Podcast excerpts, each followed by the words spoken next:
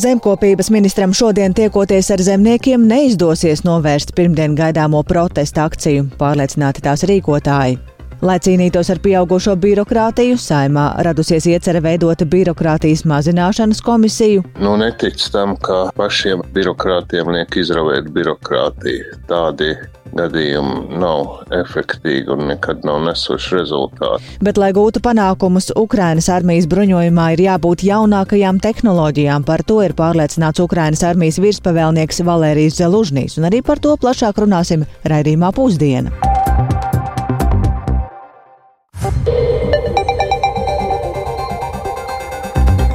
12,5 minūtes turpinām ar 2. februāra raidījumu pusdienu, plašāk skaidrojot šajā dienā būtisko. Studijā Dāca Pēkšēna, esiet sveicināti! Un raidījumu sāksim ar to, vai pastāv iespēja, ka nākamās nedēļas sākumā gaidāmie lauksaimnieku protesti Latvijā varētu tomēr nenotikt. Pēc nepilnas stundas lauksaimniekiem par šī brīža un turpmāko atbalstu ir paredzētas sarunas ar zemkopības ministru Armandu Krauzi no Zaļo un Zemnieku savienības. Un jāatgādina, ka pirmdien, 5. februārī, lauksaimnieki protestus ir solījuši virknē pilsētu, tā cerot pievērst uzmanību un rast risinājumu daudziem nozarē sasāpējušiem jautājumiem, kas ir iestrēguši politiskajos un ierēdniecības gaiteņos. Un tam šodien seko līdzi Agnija Lāstiņa. Sveika, Agnija! Tu pati pirms dodies uz šo lauksaimnieku tikšanos ar ministru saki, ko lauksaimnieki sagaida no šīs tikšanās, un, ja runājam par protestiem, vai tie tiešām ir neizbēgami, vai tomēr sarunas eh, šodien var ko ietekmēt? Rīcību. Un, kā skaidro zemnieku saima valdes priekšsēdētājs Juris Lasdiņš, vakar lauksaimnieku organizācijas saņēmušas uzaicinājumu no zemkopības ministrijas, kur definēts, ka šodien tiks pārunāta situācija par steidzami veicamajiem pasākumiem un turpmākajiem rīcības soļiem lauksaimniecības nozarē. Tiesa viņš uzsver, ka šādas sarunas ir bijušas ļoti daudz, tāpēc 31. janvārī tika iesniegts primāro prasību saraksts ar konkrētiem termiņiem, kad būtu vēlams prasības izpildīt, un vai ministrs spēs uz to šodien atbildēt, vēl grūti spriest. Tāpat viņš stāsta, ka Latvijas lauksaimniecības nozares pārstāvi kopš prasību iesniegšanas zemkopības ministrijai un ministram Armandam Krauzam no Zaļo Zemnieku savienības lauksaimnieku ārkārtas sapulces laikā slampē pērn 2. novembrī ir pacietīgi ieturējuši diplomātisku nogaidīšanas pauzi, un kopš sapulces ir pagājuši trīs mēneši, un no iesniegtajām prasībām nozares sakārtošanā izpildīt esot tikai viena. Tiesa Lazdiņš gan norāda, ka lauksaimnieki šodien ministru uzklausīs, lai redzētu, vai tas esot kārtējais aicinājums, apņemšanās strādāt, rīkoties, domāt un veidot darba grupas, vai arī tie ir jau konkrēti normatīvi akti, ko virza tālāk uz priekšu. Mēs šodien, šobrīd sagaidām no ministrijas un valdības konkrētu rīcību. Runāšana mūs vairs neapmierina. 5. februāra protesti notiks. Ja mēs redzēsim, ka ministrs kaut ko konkrēti piedāvā, mēs par to arī lauksaimniekus varam informēt, bet šobrīd mums nav informācijas par kaut kādu normatīvu aktu virzību, rīkojumiem. Līdz ar to mēs pirmdien, 5. februārī, protestos būsim, tādējādi veicinot ātrāku šo lēmumu pieņemšanu. Par to, vai ir iespējami kādi kompromisi prasībās, šobrīd vēl esot grūti spriest. Lazdiņš gan piebilst, ka aizvadītajos četros un piecos gados ministrijas darbā strādājot pie kopējās lauksaimniecības politikas un citiem normatīvajiem aktiem, kompromisu esot bijis pārāk daudz, kas arī veicinājis šādas situācijas veidošanos. Jāatzīst, ka arī Latvijas lauksaimniecības ko kooperatīva asociācijas valdes priekšsēdētājs Induls Jansons norāda, ka ja arī kādas lietas ir procesā, tas viss notiekot pārāk lēnu un lauksaimniekus nedzird ne Latvijas valdībā, ne arī Eiropas Savienībā, un tā kā izskatoties, ka rīcības nebūšot, tad protesti gan būs. Viņš noteikti nav plānots nekāds ekstrēms, vienkārši mums lauksaimniecībā dēļ izmaiņām un šīs attieksmes un nevienlīdzīgās situācijas konkurences ir kaut kas jādara. Un šeit nav runa par kaut kādām kompensācijām, ko pārmet. Vienkārši mums jābūt tikpat atbildīgiem, kādi tie nosacījumi, kuros mums jāstrādā, arī tālākiem soļiem. Jo to dārgo produktu, ko ražo, ievērojot prasības, tirgu nevajag. Šodien tirgu pieprasa cenu.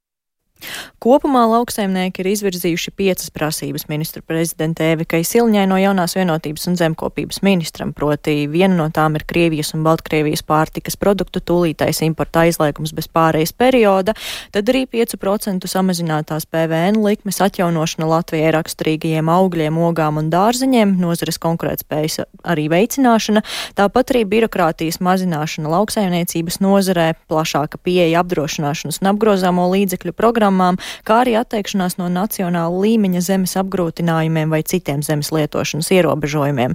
Un piecu dienu laikā kopš prasību iesniegšanas lauksaimnieki gaida reālus risinājumus no valdības pārstāvju puses. Ja prasības netiks pildība, pildītas, tad no pirmdienas plānoti protesti vairākos Latvijas reģionos - Saldū, Talsos, Liepājā, Jelgavā, Dobelē, Bauskā, Valmierā, Gulbenē, Limbažos, Daugopilī, Rēzaknē un Koknesē, un pēc tam arī Rīgā. Un, um, ņemot vērā, ka protestu norisē tiks izmantot arī lauksaimniecības tehnika. Um, arī iedzīvotājiem jārēķinās ar apgrūtinātu satiksmi uz valsts galvenajiem autoceļiem. Uh, operatīvie transporta līdzekļi netiks traucēti un policija un pašvaldības ir informētas par gaidāmajiem protestiem. Mm -hmm. Paldies Agnijai Lazdiņai. Piebildīšu, ka šobrīd daudzās Eiropas valstīs, tostarp Vācijā, Beļģijā, notiek plaši lauksaimnieku protesti. Un Kā dzirdējām, tad vismaz pagaidām izskatās, ka neatkarīgi no šīs dienas sarunu rezultātu lauksaimnieku protesti notiks arī pie mums, un šobrīd tie ir solīti 16 pilsētās. Tik tālu par zemnieku neapmierinātību, tikmēr daudzus joprojām satrauc arī plānotās skolu tīkla un finansējuma izmaiņas. Kā šorīt kolēģiem Kristapam Feldmanim un Helīnai Beltskarei Radījumā labrīt sacīja izglītības ministre Anda Čakša no jaunās vienotības. Politiskā atbalsta ziņā gan striktu nē viņa nesot dzirdējusi, lai gan diskusijas turpinoties, ministra noliedz pārmetumus par sasteigtu reformu un atkārtot uzsver, ka tas ir saistīts ar spēju nodrošināt bērniem labu izglītību, dažādos gan starptautiskos, gan vietējos mērījumos skolēnu sniegums pasliktinājies un ir būtiskas atšķirības starp skolām, kas ir izvietotas laukos un kas pilsētās, un šī brīža finansējuma balstīšana uz bērnu skaitu pašvaldībā radot nevienlīdzīgu situāciju gan pašiem bērniem, gan skolotāju atalgojumu ziņā, tāpēc esot jāpanāk, lai šādas nevienlīdzības nebūtu. Un turpinājumā fragments no sarunas ar Čakšu. Tas, kā es redzu šobrīd finansēšanas modeļa ieviešanu, ka no šī gada vai nākamā mācību gada, kas ir 24. gada 1. septembris, tas pašvaldībām būtu brīvprātīgs tām pašvaldībām, kas ir ar savu skolu ekosistēmu gatavs, viņas var izmantot šo jaunā finansēšanas modeļa priekšrocības, jo tur ir lietas, ko valsts mēs piedāvājam lielāku samaksu, piemēram, sociālajie pedagoģi pāriet no pašvaldību finansēšanas uz valsts finansējumu, daudz lielāks atbalsts tieši palīdz personālam.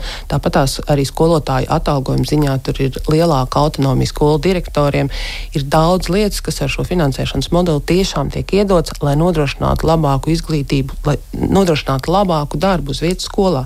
Ja pašvaldība neredz savu kapacitāti to tālāk virzīties, tad viņi var šajā gadā tam nepievienoties. Protams, paliekot pie vecā finansēšanas modeļa. Runājot par politisko atbalstu, nu, līdz šim diskusijās nav bijis tāds uh, strikts nē. Bet jūs šausmīgi steidzaties ar šo reformu tā pārmetu? Ja jūs sakat, 30 gadi ir steiga, tad droši vien mums ir atšķirīga izpratne par ātrumu. Ja mēs raugamies uz to, kad ir likumā noteikts deleģējums par to, ka pašvaldībām ir atbildība gan par pieejamību, gan kvalitāti, un raugamies uz pašvaldībām, kā piemēram Jāgaunas pilsēta stāsta savu stāstu, kuri no 18. gada veids šīs pārmaiņas. Tādas iespējas ir bijušas visām pašvaldībām, un to arī dara daudz pašvaldības. Nu jau, ja mēs raugamies uz 23. gadu, ir 52 lēmumi pieņemti dažādās pašvaldībās par izglītības iestāžu pakāpju maiņu vai to, kā organizēt savu darbu skolu ekosistēmā, lai tur būtu ieguvums bērniem. Šobrīd tas, ko mēs darām, liekam klāt vēl šo jauno finansēšanas modeli, lai tiešām izlīdzinātu bērnu iespējas un taisnīgāk samaksātu arī skolotājiem. Vai šīs izmaiņas ietekmē privātskolas? Arī tas ir karsts jautājums šobrīd, kas interesē daudzus. Jā, ja mēs raugamies uz to, ka šis ir publiskais finansējums, tieši tāpatās kā bērni mācoties publiskā skolā, tā tāpat tās privātā skolā saņem finansējumu no publiskiem līdzekļiem, skolotāja algu dotācija nāk no valsts budžeta, tad kritēriji, pēc kādiem tiks nodot šis finansējums, ir salīdzināmi ar to, kā tas ir publiskajā sektorā. Jo tieši tāpat tās, lai privātā skola varētu strādāt, viņi tāpat iziet akreditāciju, jo šis diploms ir salīdzināms. Tā nav kaut kāda ārpus visas sistēmas. Tātad eh, arī privātā skola strādā izglītības sistēmas kontekstā. Atšķiras tikai īpašnieks. Līdz ar to nosacījumi ir uh, salīdzināmi. Bieži vien jautājums ir par vidējās izglītības posmu tad uh, tie kriteriji ir piemēroti tā kā zemāk apdzīvotās teritorijās, vidējās izglītības posmā, privātā sektorā, bet kopumā tie ir salīdzināmi. Tas nozīmē, ka tās mazās klases, kuras ir izveidotas mazas, lai uzlabotu šo izglītības kvalitāti, varētu mainīt savus izmērus arī privātajā sektorā. Es domāju, ka mazāk bažu ir šobrīd par izglītības posmu līdz 9. klasē. Diskusijas vairāk ir par vidējās izglītības posmu, bet mums ir skaidri jāpasaka, ka vidējās izglītības posms mūs sagatavo augstskolai. Un nosacījumi, lai jaunietis iestātos augstskolā, ir noteikta zināšanu apjoms, kas ir jāiegūst. Mēs runājam par matemātiku, fiziku, tātad par izvēles iespējām dažādos padziļinātos priekšmetos. Tālūk, izglītības un zinātnes ministre Anna Čakša. Bet vai saimā vajadzētu atsevišķu komisiju birokrātijas mazināšanai, lai palīdzētu no lieka administratīvā sloga atbrīvot dažādas nozares un izravēt lieko likumos un noteikumos? Ar šādu ideju klajā ir nācis saimas opozīcijā esošās apvienotā saraksta frakcijas deputāts Māris Kučīnskis. Kā zināms, birokrātijas mazināšana ir arī viens no valdības prioritāriem uzdevumiem, un ideju par šādas komisijas veidošanu gan Atzīstot par aktuālu, tomēr politiskie partneri pat laban lielu atsaucību tai neizrāda, un vairāk par šo tēmu Jānis Kīns, kurš pievienojas tiešraidē. Sveiks, Jāni! Sveicināti! Jā, nu dienu birokrātijas mazināšana ir nosaukta par vienu no valdības šā gada prioritātēm un turpmāko gadu prioritātēm. Pašlaik valsts kancelēja un ekonomikas ministrija ir pievērsušās birokrātijas mazināšanai pa nozarei un sākušas ar nekustamo īpašumu attīstības jomu. Taču tikpat būtiski mazināt formalitāšu apjomu ir arī citās sfērās, tāpēc birokrātijas mazināšana par visaptverošu un atsevišķi atdalām uzdevumu uzskata arī saimā un arī saimnes opozīcijā. Lieka birokrātija nospiež nozaru attīstību vairāk nekā nodokļu sloks un korupcija. Tā pārliecināts ir saimnes deputāts Māris Kučinskis no apvienotā saraksta, pamatojot savu ideju par uh, birokrātijas mazināšanas pasākumu komisijas veidošanu arī saimā. Lūk, viņa teiktais. Tas ir jādara ļoti kompleksi. Tātad ne tikai valdībai, bet arī saimai, kas skata likumus. Otrakārt, nu netic tam, ka pašiem birokrātiem liek izravēt birokrātiju. Tādi gadījumi nav efektīgi un nekad nav nesuši rezultātu. Ja komisija šādu uzstādījumu dotu un būtu iespēja piesaistīt ekspertus, tad uh, vai nu katrā likumā ravēt ārā visu to, kas ir liekas un apaudzis šajos 30 gados un traucē. Vienlaicīgi tie varētu būt arī uzdevumi kabinetam, ministra kabineta noteikums izmainīt. Liekais tas ir tas, kas uzliek jauns slogus jebkurām darbībām. Nu, kā jau minēju, valdība birokrātijas mazināšanas plānu sāk ar būvniecības jomu, un uh, ekonomikas ministrija gatavo un uh, jau šomēnes valdībā iesniegs ziņojumu par pasākumu plānu administratīvās logas samazināšanai nekustamo īpašumu jomā. Plānā ir 62 priekšlikumi - teritorijas plānošanas, vides aizsardzības, būvniecības procesa sagatavošanas un arī īpašuma tiesību nostiprināšanas jomā. Un iecer ir, lai apmēram par trešdaļu mazināt būvniecības saskaņošanas ilgumu. Tad īsumā šādu plānu varētu raksturot ar vārdiem mazāk papīru, vairāk tehnoloģiju, un līdzīgs skats arī par citām jomām. Un Šī plāna sagatavošanu vada valsts kancelē, aps, bet apspriešanā ir piedalījušies arī saimnes deputāti. Tostarp saimnes valsts pārvaldes un pašvaldības komisijas vadītājs Oļegs Burovs. Viņš norāda, ka plāns ir birokrātijas izskaušanu secīgi virzīt dažādās nozarēs un nenoraidot eh, Mārku Čīnsku piedāvāto ideju par atsevišķu komisiju. Burovs uzskata, ka tieši saimnes valsts pārvaldes un pašvaldību komisija ir piemērota šo procesu pāraudzīšanai saimā un jaunas komisijas veidošanu iespējams dublēt šos procesus. Lūk, Oļega Burovs sacītais. Nākamais posms - izvēlēties nākamo tēmu, lai mēs ejam uz priekšu. Vai ir tas pašas investīcijas piesaiste, ja mēs par to runājam, tad ne tikai būvniecības jomu, vajadzētu runāt par valsts ieņēmumu dienestu, par ko tagad aktīvi runa jauna vīta ģenerāla direktore par uh, kreditēšanu un tā tālāk. Šobrīd es redzu, ka faktiski mēs ka valsts pārvaldes komisija, ņemot vērā, ka mēs runājam par valsts pārvalde, par birokrātijas mazināšanu, varam uzņemties šo atbildību, nu, teiksim, menedžēšanu, administrēšanu, ja, saimas līmeni uz sevi.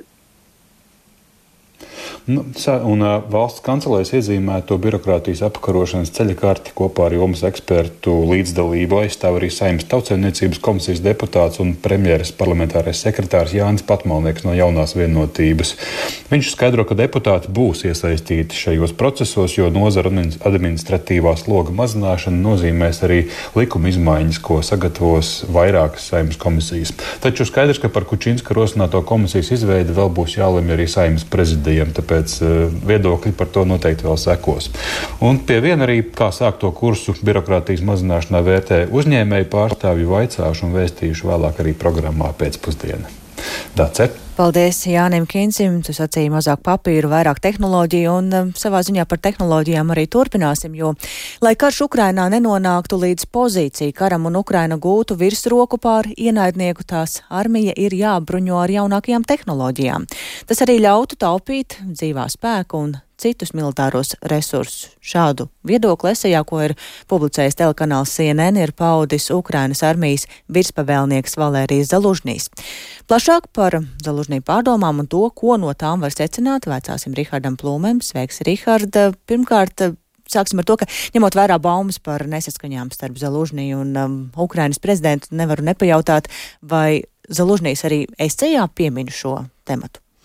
Jā, labdien! Nu, baumas par nesaskaņām un, un iespējamo Zalužņī atstādināšanu no amata patiesi pēdējo dienu laikā ir pieņēmušās spēkā. Tiesa nekādu oficiālu komentāru par šo visu situāciju nav joprojām. Nu, man jābēdina tie, kas varbūt domāja, ka Zalužņīs būs beidzot paudis kādu viedokli vai nostāju tieši šajā jautājumā, bet tā gan nav esejā netieši, ne arī netieši netiek pieminētas attiecības ar Ukrainas prezidentu Valdimiru Zelenski.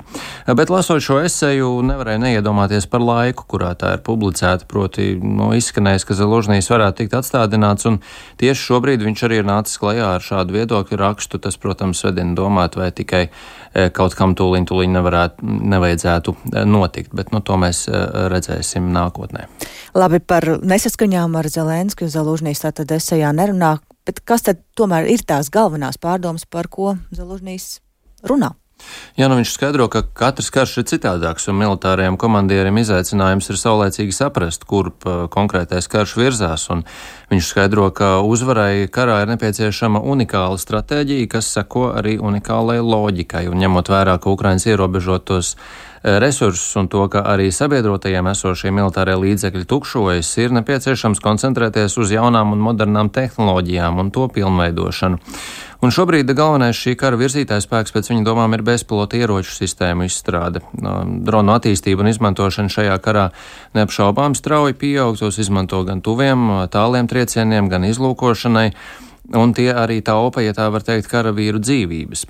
Pēc Zalužņiem domām tieši bezplota sistēmas kopā ar, arī ar citām moderno ieroču sistēmām un veidiem nodrošina Ukrainai labāko iespēju, kā izvairīties no pozīciju kara, kurā Ukrainai viņa prāta nav priekšrocība. Paklausīsimies fragmentu no esejas.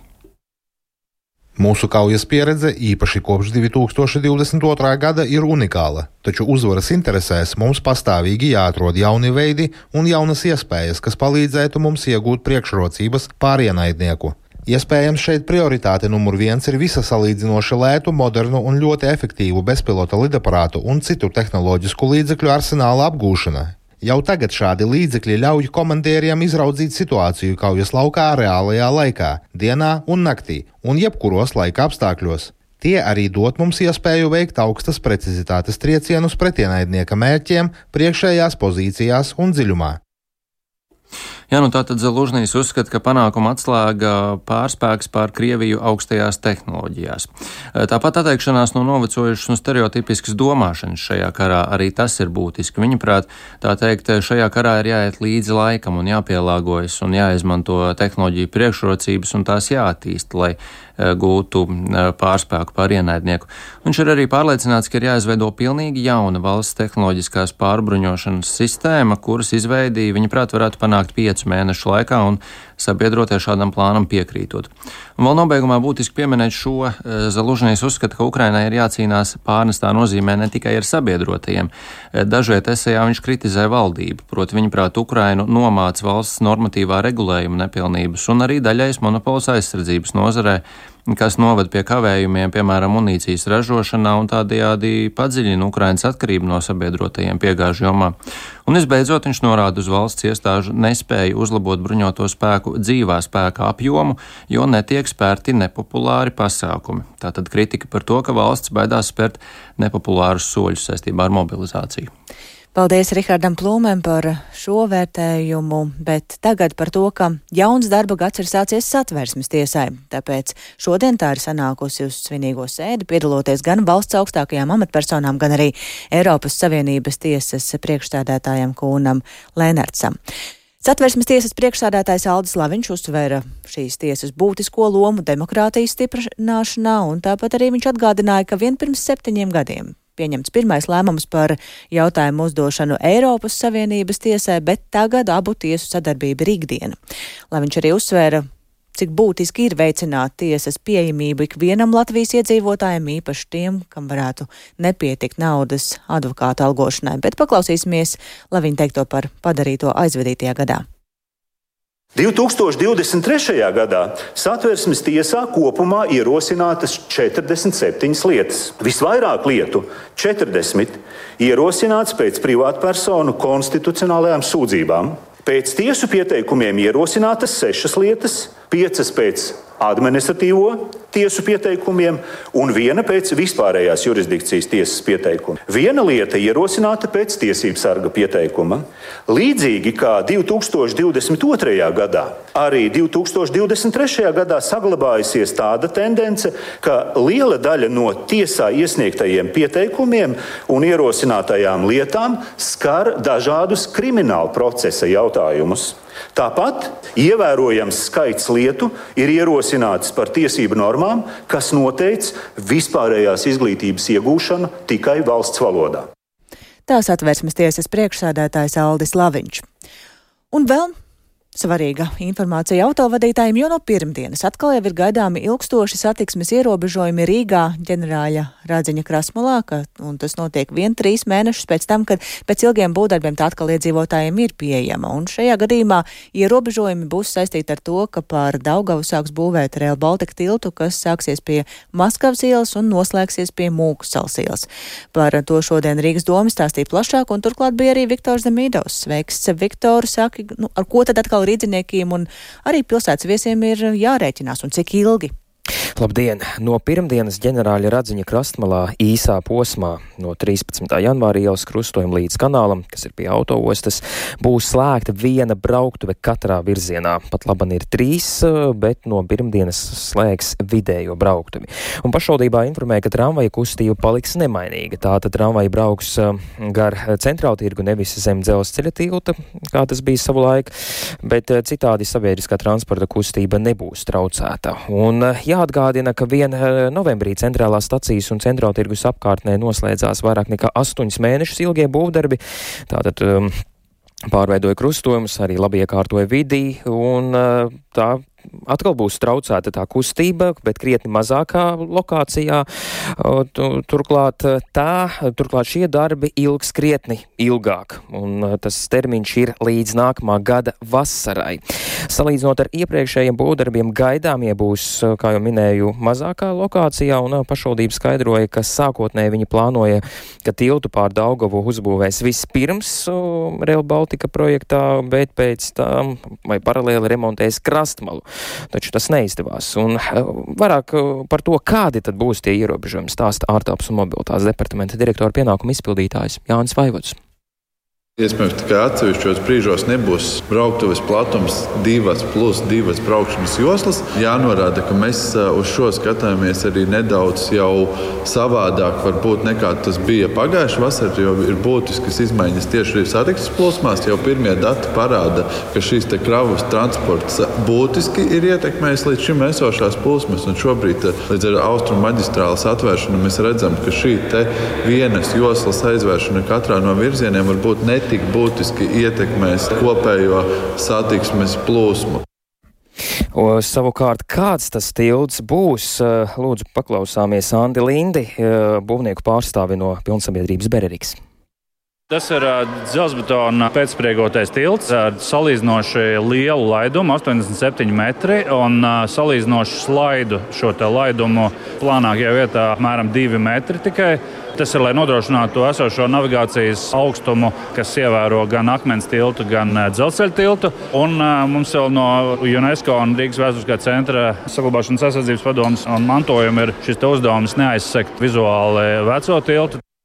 Nu, jāpiebilst, ka pat laba nauda ir vien tikai daļai no tilta, un respektīvi visu tiltu pār Daugu varēšot uzbūvēt vien pēc 27. un 28. gads. Nu, tas ir tas mhm. termiņš. Mm. Paldies Viktoram Demīdovam par šo informāciju, un ar to tad arī izskan raidījums pusdiena. To veidojām mēs, Lauris Zvēnieks, Dāca Pēkšēna un arī Renāša Teimanis un Rita Karneča. Paldies par klausīšanos un lai lieliska nedēļas nogale radījumu pusdienu meklējiet arī Latvijas radio mobilajā lietotnē. Yeah.